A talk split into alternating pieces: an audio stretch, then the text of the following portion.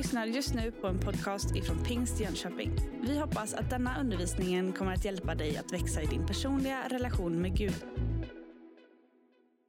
Glad påsk på er!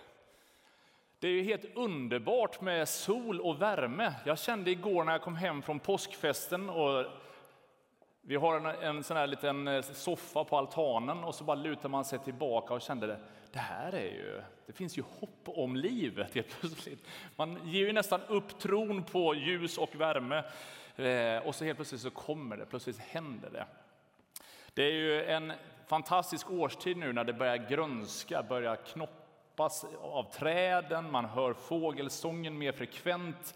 Det är som att hela skapelsen fyller i just den här liksom, proklamationen av att vi går från död till liv. Det som verkar kargt och mörkt, att det finns någonting som spirar och tar över och bryter igenom. Jag blev lite full i skratt här på morgonen när jag kom till kyrkan och så satte jag mig och bara liksom gjorde lite saker inför predikan och så ringer telefonen och så är det SVT Nyheter som ringer och bara hej! Vi skulle vilja göra ett reportage från er kyrka idag. För att det är ju två år sedan som ni har firat påskdagsgudstjänst. Visst är det så? Visst är det så att ni har liksom under pandemin varit i någon onlinevärld och nu är det första gången som ni firar påsk. Och någonstans så varje gång nyheterna ringer så tänker jag ofta att de har någon slags Eh, negativ tanke, att de ska anklaga oss för något eller säga något. Så att man blir alltid så lite så på sin vakt, när kommer det de egentligen vill säga? Men det var verkligen bara så här, vi vill. Och så här innan gudstjänsten så kom en av SVTs reportrar och gjorde ett reportage med även andra här i kyrkan, bara för att liksom proklamera att vad härligt att få träffas igen. Och så tänker man vad snabbt man har vant sig vid att det är så. Det känns nästan avlägset att tänka att vi firar påsk online med pastorsteamet i en soffa här som på något sätt firar, liksom på något sätt bjuder hem till något vardagsrumsliknande online. En del av er kanske inte ens såg det för att liksom hela onlinevärlden kändes bara så avlägsen. Tänk vad skönt det är med ett annat sätt att leva sitt liv. Tänk att gå från online till in real life. Och det är ju det som påsken handlar om. Att gå från någonting på avstånd till någonting livsförvandlande. Någonting som är lite perifert, lite diffust, ett hopp som kanske skulle kunna hända till någonting som får avgörande konsekvenser. Det är ju helt fantastiskt. Gå från uppståndelse, eller gå från död till uppståndelse. Den här veckan så har vi fått fira gudstjänst både på skärtorsdag, långfredag, en stor påskfest igår på påskafton och så får vi fira den här dagen. Men det finns ju också anledning att någonstans leva med och förstå att påsken famnar oss i massa olika livssituationer. En del av er som är i det här rummet, utan att fråga kan jag gissa att ni känner igen er ganska mycket i skärtorsdagstexten av någonting som tynger axlarna. Någonting av det där som känns bara, oh, finns det en väg att slippa detta? Herre, ge mig en utväg. Men där Kristus lyser igenom och säger, ske din vilja framför min egen. Kanske är det så att du till och med känner igen dig i långfredagstexten av att någonstans alla dina drömmar, allt det där som du hade sett fram emot verkar gå i kras. Det verkar som om döden vinner. Någonting av tung sorg situation. Och även om lärjungarna så småningom på något sätt anade att det här fanns i hans plan. Jesaja 53 talade om den lidande Messias så verkar det för svårt att ta in så de på något sätt tyngda av sorg lämnar de korsplatsen. En del känner igen sig i påskaftonstexten. De där texterna som inte finns. De där som på något sätt, vad hände? Han dog, men han har ännu inte uppstått. Jag lever någon slags väntan. Gud har sagt någonting här, men jag har inte sett det ske än. Den där mellanperioden kanske är de svåraste passagerna i vår kristna vandring. Någonstans utav att Gud har sagt någonting, jag upplever att Gud har lovat någonting, jag ser bibliska löften om någonting, men jag är inte riktigt i det än. Och sen så kommer det underbara påskdagen då allting fullbordas. I den kristna tidiga kyrkan så hade man en trosbekännelse, en proklamation som skulle sammanfatta tron. Och den sammanfattades med att den som ledde gudstjänsten sa Jesus är uppstånden. Och så svarade alla de som var samlade i sitt amen på något sätt. Ja, han är verkligen uppstånden. Och jag tänker vi skulle få göra den trosbekännelsen tillsammans. Vill du så ställ dig upp och så frågar jag och säger jag. Och så svarar du. Jesus är uppstånden. Några är lite till åren och använder sannoliken uppstånden. Det är helt okej, okay. det finns lite olika översättningar i detta. Men jag tänker vi förenas nu i ja, han är verkligen uppstånden. Och nu är det så att i uppståndelsen och i att vi har gått från online-värld till in real life, så nu behöver du inte ha en mutad mikrofon. Det blir inte rundgång, utan nu kan du få liksom, som om du verkligen menade, förhoppningsvis också gör det, eh, får du proklamera uppståndelsen. Jesus är uppstånden! Underbart. Förbli stående så ska jag ta dig med till en bibeltext, en ganska lång, som sammanfattar detta underbara faktum. Vi läser från Johannes 20. Tidigt den första veckodagen, medan det ännu var mörkt, kom Maria Magdalena ut till graven och fick se att stenen var borta från graven. Hon sprang därifrån och kom till Simon Petrus och den andra lärjungen, den som Jesus älskade, och sa till dem de har tagit bort Herren från graven och vi vet inte vart de har lagt honom. Då rusade Petrus och den andra lärjungen ut mot graven. Båda sprang på samma gång, men den andra lärjungen sprang fortare än Petrus och kom först fram till graven. Han lutade sig in och såg linnebindlarna ligga där, men han gick inte in. Strax efter honom kom Simon Petrus. Han gick in i graven och såg också linnebindlarna ligga där och duken som hade täckt huvudet den låg inte tillsammans med bindlarna utan ihopvikt på ett ställe för sig. Då gick även den andra lärjungen in, han som hade kommit fram till graven först, och han såg och trodde. Tidigare hade de nämligen inte förstått skriftens ord, att han måste uppstå från de döda. Därefter gick lärjungarna hem igen. Men Maria stod utanför graven och grät.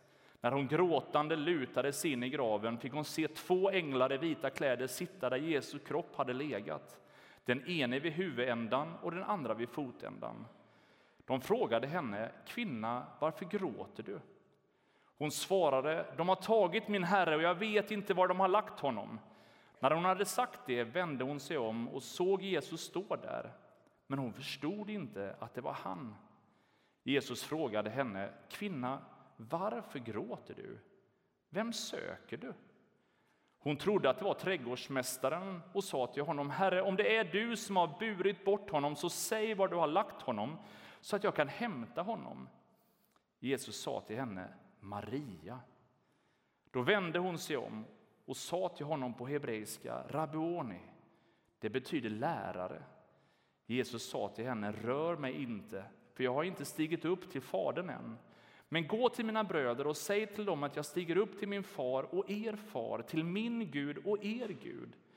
Maria Magdalena gick då och berättade för lärjungarna att hon hade sett Herren och att, hon, att han hade sagt detta till henne. På kvällen samma dag, den första veckodagen, var lärjungarna samlade bakom låsta dörrar av rädsla för judarna. Då kom Jesus och stod mitt ibland dem och sa, frid vare med er. När han hade sagt detta visade han dem sina händer och sin sida, och lärjungarna blev glada när de såg Herren. Jesus sa än en gång till dem, frid var det med er. Som Fadern har sänt mig sänder jag er. Sedan han sagt detta andades han på dem och sa, ta emot den helige Ande. Om ni förlåter någon hans synder så är de förlåtna, och om ni binder någon i hans synder så är han bunden. Vi ber en gång tillsammans. Jesus, jag tackar dig för ditt heliga ord Tackar dig för det faktum att du besegrade döden. Tack för att du kom ut ur graven. Tack för att du lever. Tack för att du är närvarande. Tack för att du talar dina ord in i våra liv. Herre, vi tackar dig för det historiska faktum, men också den påtagliga verkligheten 2022. Att vi kan få leva i relation till en uppstånden, levande Messias. Herre, du är Kristus, Guds son. Och vi tackar dig för evangeliets hälsning till oss. Vi tar emot det som en gåva i en tid av oro, en tid av stridigheter i Europa, en tid av allt möjligt som kan tynga eller begränsa sikten. Så tackar vi för att du är alfa och omega. Det du har påbörjat kommer du att slutföra. Tackar dig Jesus för att du är här. Jag ber om din välsignelse över resten av den här gudstjänsten. Du vet varje man, varje kvinna som på olika sätt är en del av den. Tala till oss. Möt oss där vi är i Jesu namn. Amen. Varsågod och sitt ner. Det här är bara lite utav ett kapitel och ändå så sammanfattas så mycket av hela evangeliet i de här verserna. Det är fascinerande hur många olika perspektiv som på något sätt väldigt kort vi dras med i, dras in i. Och ska helt ärligt säga att ju mer du studerar den här texten och ju fler teologer du också reflekterar utifrån så förstår du att det finns många saker i den här texten som inte är alldeles enkla och självklara att någonstans bara så här by the way slänga in. Men det här är ju en predikan, inte en lång bibelstudiekampanj. Så jag ska försöka att sammanfatta några av de här delarna. Men det verkar som att Johannes, lärjungen, han har ju en egen identifikation som den som Jesus älskade. Det är ett uttryck som han använder, där han känner sig lite grann, ah, men Jesus älskar verkligen mig. Eh, som om han inte älskade de andra kan man tycka. Jo, men det är klart att Jesus gör. Han älskar hela världen, han har ingen liksom, favoritperson som han älskar lite mer. Men man förstår av Johannes berättelse att han har varit så nära Jesus, han har varit tillsammans med Jesus och det har gjort att den där känslan är så påtaglig. Jag är verkligen älskad av Gud. Och I den här texten så märker man också att han är lite sådär noga med att någonstans signalera att han är snabbare än Petrus. Det är liksom, han säger att han var snabbare på vägen dit och sen så för att verkligen liksom understryka att han är snabbare så tar han det en gång till när han liksom förklarar att ja, men Petrus gick först in men jag var ju ändå först fram till platsen. Men i den här textens början så möts vi av en tom grav. Och Det här tycker jag är så fantastiskt att i den kristna kyrkan så har den tomma graven varit så självklar så det har aldrig varit någon liksom plats som man har hyllat. Det har ju varit en lång diskussion i kyrkohistorien. Vart någonstans var det som var Jesu grav? Och åker du till Jerusalem idag så finns det en plats som man tänker, här är det nog mest troligt att han var. Men sen så har man hittat en annan grav som på något sätt den verkar lite mer stämma överens med beskrivningen hur det ser ut. Även om den kanske är mindre sannolikt att det var just där det var så känns det mer så som den såg ut. Och så brottas man med vart var det han låg egentligen? Just för att fokuset i den kristna kyrkan har aldrig varit själva gravplatsen. Han är ju inte där. Varför ska du hylla och hedra en tom grav? Det är ju inte där han är. Så bara själva den tomma graven är en proklamation i sig självt av en uppstånden Messias. Och de som studerar apologetik, det fina ordet för trons försvar, använder ju en av de här metaforerna som Johannes lyfter fram och bilderna som han berättar för att förklara det osannolika att kroppen är tagen av någon annan. Den tomma graven beseglad av en väldig sten, svår för kvinnor vid den tiden, uppskattningsvis i den åldern och den situationen, att själva flytta bort.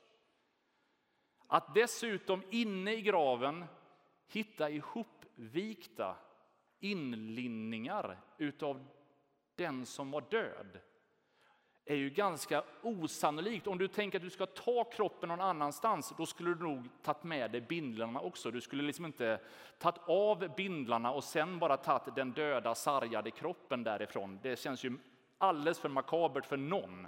Utan någonstans så blir själva linnebindlarna inne i den tomma graven också en proklamation att det här är inte någonting kaosartat. Det här är inte någonting som bara råkar hända, utan det verkar finnas ett specifikt syfte.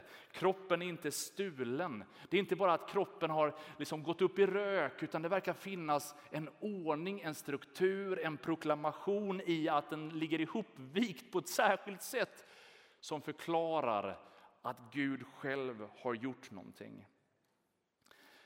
I det där mötet av den tomma graven så är det någonting som händer i Johannes. Han har inte riktigt fattat vad det är som sker, men texten säger att han började tro. Han såg den tomma graven och nu börjar han tro. Och så lägger han till att tidigare hade de nämligen inte förstått skriftens ord att han måste uppstå från de döda. Därefter gick lärjungarna hem igen. Med andra ord så inser vi i texten att de kommer till den tomma graven och någonstans börjar sakerna liksom så här komma på plats verkar som om han inte är här utan att han på något sätt ändå lever. Men de har ännu inte riktigt fått tag på vad det är fullt ut som har hänt. Så de tror lite grann, men är inte helt så övertygade ändå så att de går hem igen. Den här ambivalenta situationen av att jag anar någonting, men jag har fullt ut ännu inte riktigt förstått. Och jag tänker att livet ganska många gånger är sådär. Att vi, vi hör vittnesbörd eller vi, vi hör människor berätta om saker. Vi anar att Gud verkar ha gjort någonting, men det är inte så helt självklart. Och så kanske vi också bara går hem igen. Det verkar som att vi behöver ibland ta ett steg i tro och så därifrån öppnas mer saker. I parallella texter till den här så förstår vi att Jesus också möter några vandrare på väg från Jerusalem till Emmaus. Och de verkar inte heller riktigt begripa att Jesus går där tillsammans med dem. Men det är först när han liksom bryter brödet och delar måltiden som att någonstans han förklarar skrifterna och de på något sätt lägger ihop allt det som Gud, ursäkta, jag vi bryter för reklam. Eh, Jesus är det levande vattnet, finns att köpa gratis av nåd. Ursäkta, det är tur att man är graciös. Själv, självinsikt saknas, men tack. Men de där Emmausvandrarna, de, de förstod inte fullt ut vem det var som de hade sällskap utav. Men han förklarar utifrån texterna allt vad Gud hade sagt i, i Gamla testamentet, i den bibliska historien, den bibliska berättelsen. Och mer och mer börjar de förstå hur saker och ting följer på plats. Jag vill bara uppmuntra dig som känner att det finns en del saker som är lite för svåra att förstå. Du får inte ihop hela grejen. Har Gud skapat världen? Har, var det så här? Är det så här? Och hur hänger det här? Hur kan, vart tog han vägen där? Och hur, du har inte hela bilden. Du behöver inte ha hela bilden för att börja ta ett steg i tro. Den tomma graven blir ett vittnesbörd som blir en startsträcka för lärjungarna att börja förstå än mer att det Gud hade sagt, det Gud hade lovat faktiskt är sant. Det första steget, frakta inte det. När Petrus och Johannes sen springer tillbaka, vi har ingen aning om vad de säger till sina kompisar när de samlas. Texten säger ingenting om det, den bara utlämnar det. Det vi förstår är att Maria står ensam kvar. I andra evangelier så förstår vi att det var fler kvinnor som också var med, både vid Jesu död och säkerligen här också den här morgonen. Antagligen var de också närvarande när allt detta dramatiskt syns och finns och verkar precis framför dem. Men någonting som dras med, kanske är det så att de andra kvinnorna följer med Johannes och Petrus tillbaka och så stannar Maria ensam kvar. Och trots att graven är tom så verkar hon inte känna någon form av eufori och glädje. Utan hon är helt övertygad, någon har tagit kroppen. Vart är han någonstans? Och det spelar ju inte heller någon roll att hon tittar in i graven och ser änglar. Så verkar hon ändå inte liksom nöjd med svaret eller situationen. Jag vet inte ifall du är som jag, men mig veteligen, jag har aldrig sett änglar så som de beskrivs i Bibeln. Jag, jag har några upplevelser där jag sådär kan ana att någonting mer var nog närvarande. Men jag har inte riktigt den här män i skinande kläder och den typen av änglaberättelser, det har jag inte upplevt. Men här tittar liksom Maria in i graven, hon ser verkligen två män där, står där, hon pratar med dem. Men det verkar ändå inte trösta henne. Och jag tänker att så kan det vara för dig också. Det verkar som om andra människors vittnesbörd, andra människors berättelser, andras proklamationer, det kommer ändå inte fram till din hjärtas port. Vi kan alla ha den där upplevelsen av att vi hör, det berättar starka saker för oss, men det, det kommer liksom inte in här. Vi vill så gärna uppleva det som de också berättar, men någonstans så stannar det. Helt plötsligt så hör hon igen frågan. Kvinna, varför gråter du? Och det är liksom en provocerande fråga av änglarna. Varför gråter du? Förstår du inte att jag gråter? Men det verkar som att ljus, i ljuset av uppståndelsen så är sorg någonting annat. Det finns någonting av hopp som bryter igenom där uppståndelsen ger oss nya perspektiv på att Gud faktiskt har koll. Men det tröstar inte Maria. Där står hon i sin förtvivlan och så helt plötsligt så hör hon sitt eget namn. Maria. Och jag har känt inför den här predikan, om det är någonting som jag bara skulle vilja att du blev så otroligt trygg med, det är att Jesus den uppståndne är inte längre bort från dig än att han vill säga ditt namn i din situation, i det som du nu har, i det som du har framför dig eller bakom dig eller just nu står i, så vill han säga ditt namn. Lite tidigare i Johannes evangeliet så säger aposteln så här att fåren lyssnar till hans röst. Han kallar på sina får och nämner dem vid namn och förutom när han har fört ut alla sina får går han före dem och fåren följer honom eftersom de känner hans röst. Och i det ögonblicket som Maria hör Jesus säga hennes namn, då är det som att bara wow, det är inte trädgårdsmästaren. Det var inte Ernst som gick här och bara gjorde lite fint vid graven. Det är någonting annat, någonting storslaget. Det är Messias. Hennes hälsning, det där som betyder lärare. Det låter ju så högtidligt och lite, så här, lite konstigt. Men i hennes värld så är det det vackraste uttrycket utav att bekänna Gud som sin mästare som hon ger uttryck för i någon slags bönerop. Den här söndagen är jag helt övertygad om att Jesus vill säga ditt namn så att du förstår hur älskad du är utav honom. Du är älskad av Gud. Så mycket att han gav sitt liv för dig. När du ser korset i bakgrunden av mig så hoppas jag att du ser korset framför mig.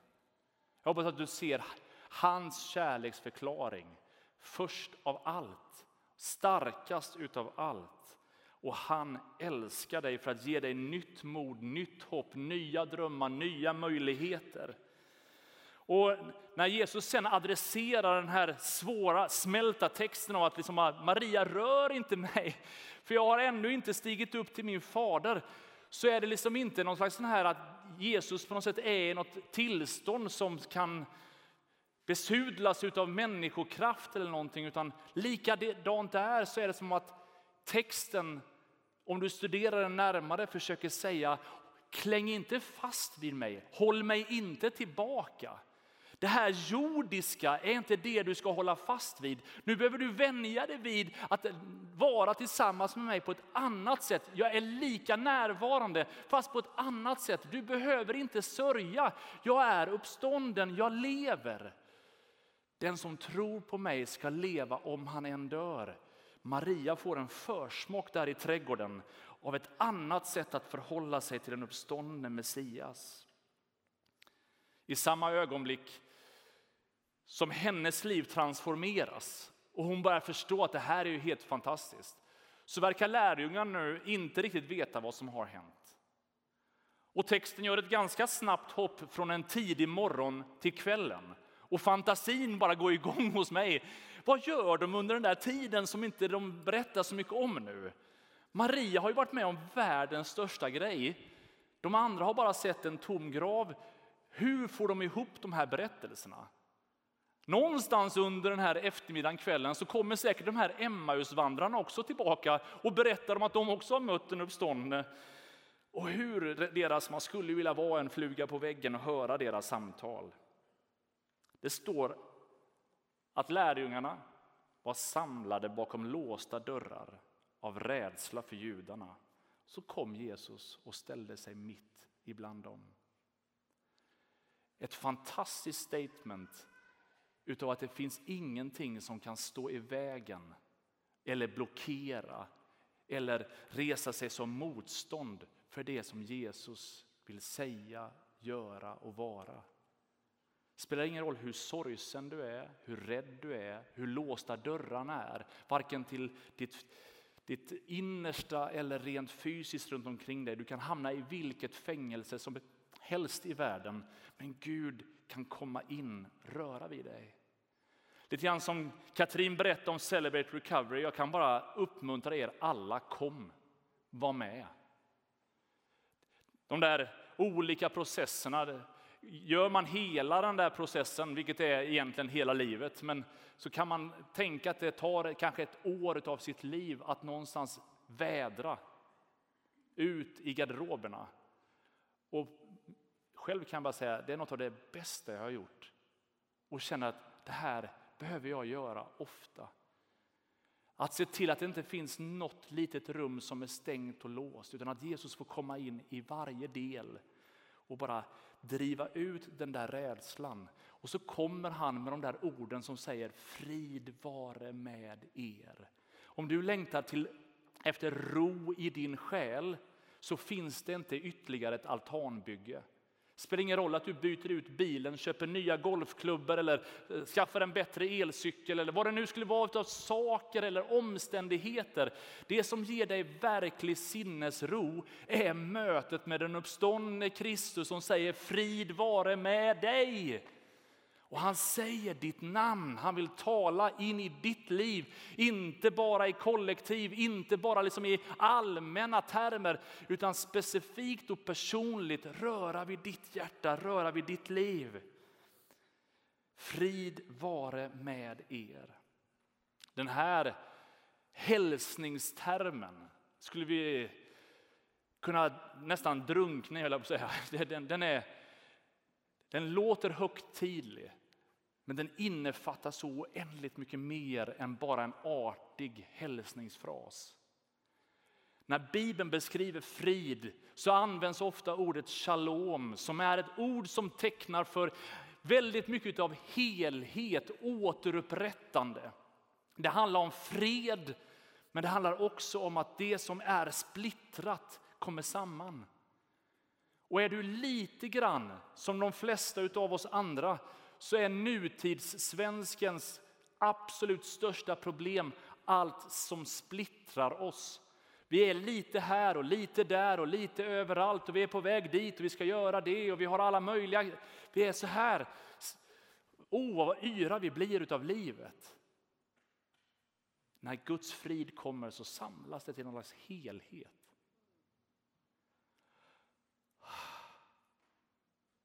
Frid vare med er. Och så andas han på dem och säger ta emot den helige ande. Det här är ju helt fantastiskt. Han kommer med sin frid och så säger han så som Fadern har sänt mig kommer jag nu sända er. Och i samma ögonblick som han säger det så andas han på dem och så säger ta emot helig ande. Det var inget dåligt uppdrag Jesus hade. Han kom för att med sitt liv manifestera vem Gud är, förklara för världen vem Gud är och också visa hela världen hur mycket liksom, Gud älskar världen, tar allt straff på sig. Säg okej, okay, ja, jag är syndfri men jag bara ger mitt liv som lösen för hela världen. Och så säger han att på samma sätt som Fadern har sänt mig sänder jag er. Med andra ord så har du och jag ett större uppdrag än vad du och jag kanske tror. Ditt liv är mer värt än vad du själv kanske tänker. I en av Astrid Lindgrens barnberättelser så talar han om att liksom bröderna Lejon hjärta om att vara en liten lort. Jag är bara en liten obetydlig pusselbit här borta på hörnet. Ja, jag betyder ingenting. Ja.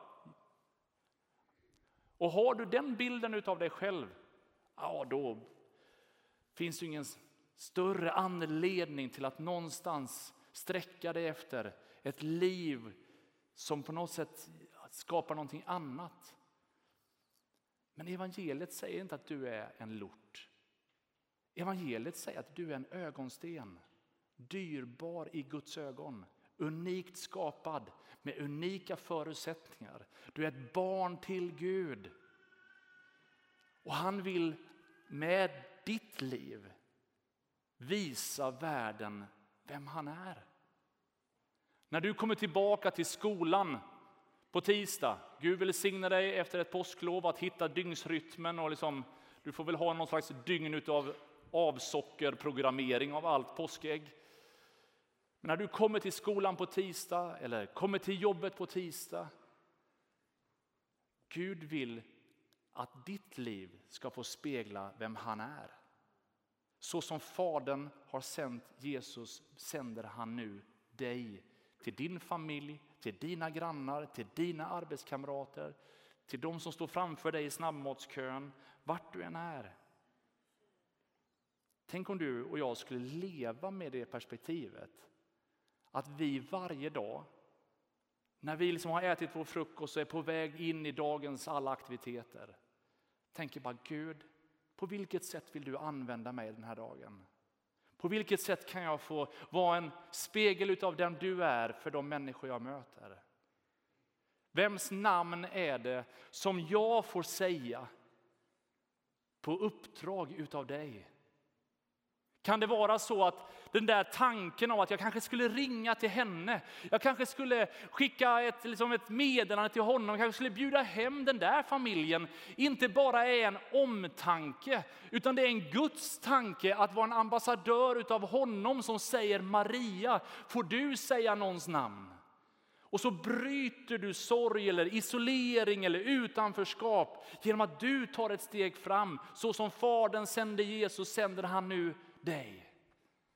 Åh, om du kunde förstå vilken ambassadör för honom du kan få vara och han vill att du ska vara. Och så andas han på dem och så säger han ta emot helig ande. Om du kan din bibel så vet du i skapelsens början när Gud formar människan så skiljer sig allt annat skapat åt när människan blir till genom att det är den enda varelse på jorden som Gud blåser in sin egen ande i. Och här så förs de där texterna samman av att så som Gud en gång tänkte att det skulle vara, så ska det fortsätta att vara. Den där avbilden utav Gud som vi är skapade och formade till, ja, det ska vi få leva i. Jag ska ta dig med till avslutningen här till en text från Kolosserbrevet kapitel 2. Där står det så här. I honom blev ni också omskurna, inte med människohand utan med Kristi omskärelse, när ni avkläddes er syndiga natur och begravdes med honom i dopet. I dopet blev ni också uppväckta med honom genom tron på Guds kraft, han som uppväckte honom från de döda. Ni var döda genom era överträdelser och er oomskurna natur, men också er har han gjort levande med Kristus. Han har förlåtit oss alla överträdelser och utplånat skuldbrevet som vittnade mot oss med sina krav. Det tog han bort genom att spika fast det på korset. Han avväpnade härskarna och makterna och gjorde dem till ett allmänt åtlöje när han triumferade över dem på korset. Och jag bara älskar den här proklamationen. När Kristus dör på korset så gör han det inte som en förlorare. Han kommer inte till korset och känner bara nej nu försvann allting av Guds plan. Utan det är fullbordat är de orden han ropar från korset. Nu är mitt mission avklarat. Nu har jag skapat fred mellan himlen och jorden. Förlåtelsen är given, friheten tillgänglig. Åh, vad skönt att få bli skuldfri. Åh, vad skönt att bli av med skam och det där som tynger och det som hämmar. Och i dopet så proklameras förlåtelsen men också uppståndelsen. Död och uppståndelse. Därför så är det gott att i samband med påskdagen både få vara med vid någon annans dop men också påminnas om sitt eget och säga bara Gud tack för att jag en, en eh, nyårskväll i Smyrnakyrkan i Göteborg liksom på 80-talet fick säga Jesus, jag ger mitt liv för dig. Och att det sen dess har hjälpt mig att få leva i uppståndelsens kraft få leva i hans liv och få hämta hans möjligheter till att ta mig an det som ligger framför mig. Och Det finns så otroligt många löften som evangeliet hela tiden vill ge oss förståelse för. I de här texterna från Kolosserbrevet så står det att vi kan få klä av oss den gamla människan och iklä oss Kristus. Ett fruktansvärt dödsstraff i den romerska antika världen det var att någon som hade begått ett hemskt brott och som själv skulle dö istället för att avrättas omedelbart så spände man ett lik fast på kroppen. Så man band fast den andra döda kroppen på den levande, på benen, ryggen. Och liksom, så man gick och bar på den gamla människan, den döda människan. Och den var där till dess att döden från den andra fick, ja du fattar ju det vidriga i hur döden äter upp livet. Och här använder Paulus texten att du kan få klä av den du kan få ta bort allt död, allt det där som smyger sig in och försöker vrida till och gör att det bara ruttnar. Allt det där som sakta men säkert fördärvar dig. Du kan få lägga ifrån dig det, få bli fri från det. Stanken och allt det där vidriga som synden drar med. Och så får du bara bli fri. Åh, vad underbart. Kanske är det därför som Paulus säger så här, jag ber att era hjärtans ögon ska få ljus, att ni fattar vilket hopp han har kallat er till. Hur oerhört stor hans makt är i oss som tror. Därför att hans väldiga kraft har varit verksam. Den kraften lät han verka i Kristus när han uppväckte honom från de döda och satte honom på sin högra sida. Paulus säger, den kraften som fick den, upps, liksom den döda Kristus att uppstå. Samma kraft är verksam i dig.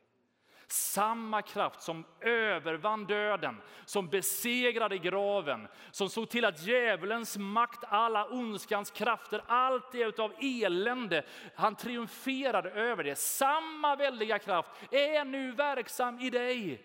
Så när du tänker att Gud sänder dig som sin avbild så är det inte att han bara skickar fram vad han har och så får det, får du duga, vi får se vad det blir. Utan han med sin ande andas på dig och ger utav sin uppståndelsekraft.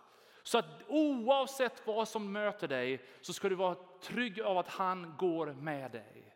Jag ska be att lovsångsteamet kommer fram och så ska vi ta några minuter till avslutning och få be tillsammans. Och jag skulle önska att den här uppståndelsedagen, att det skulle kunna få bli en liten ny överlåtelse för dig och mig. Att Herre, använd mig.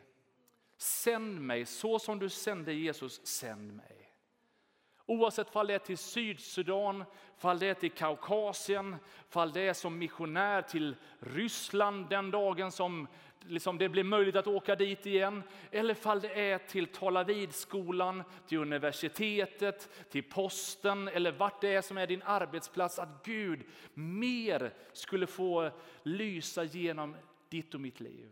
Herre, andas på mig så att jag ännu mer blir och är den avbild av dig som jag är skapad till och tänkt att vara. Låt mig få avklä mig allt det där som någonstans håller mig tillbaka. Låt mig få vara fri. Evangeliets hälsning är att den sonen gör fri är verkligen fri. Kanske är det så att du den här söndagen också faktiskt behöver lägga ifrån dig den där gamla människan. Säga Jesus, de här sakerna jag har burit alldeles för länge. De här stenarna i min ryggsäck de har hållit så otroligt mycket muskler igång. Liksom det, det har tagit så mycket kraft från mig. Och jag bara är så trött på min egen ansträngning. Nu lägger jag det vid ditt kors. Tackar dig för uppståndelsens morgon. Ett nytt liv med dig. Med nya vanor, med nytt perspektiv. I ljuset av att en dag så ska vi få se honom igen, ansikte mot ansikte. Du har just lyssnat på en podcast ifrån Pingst Jönköping.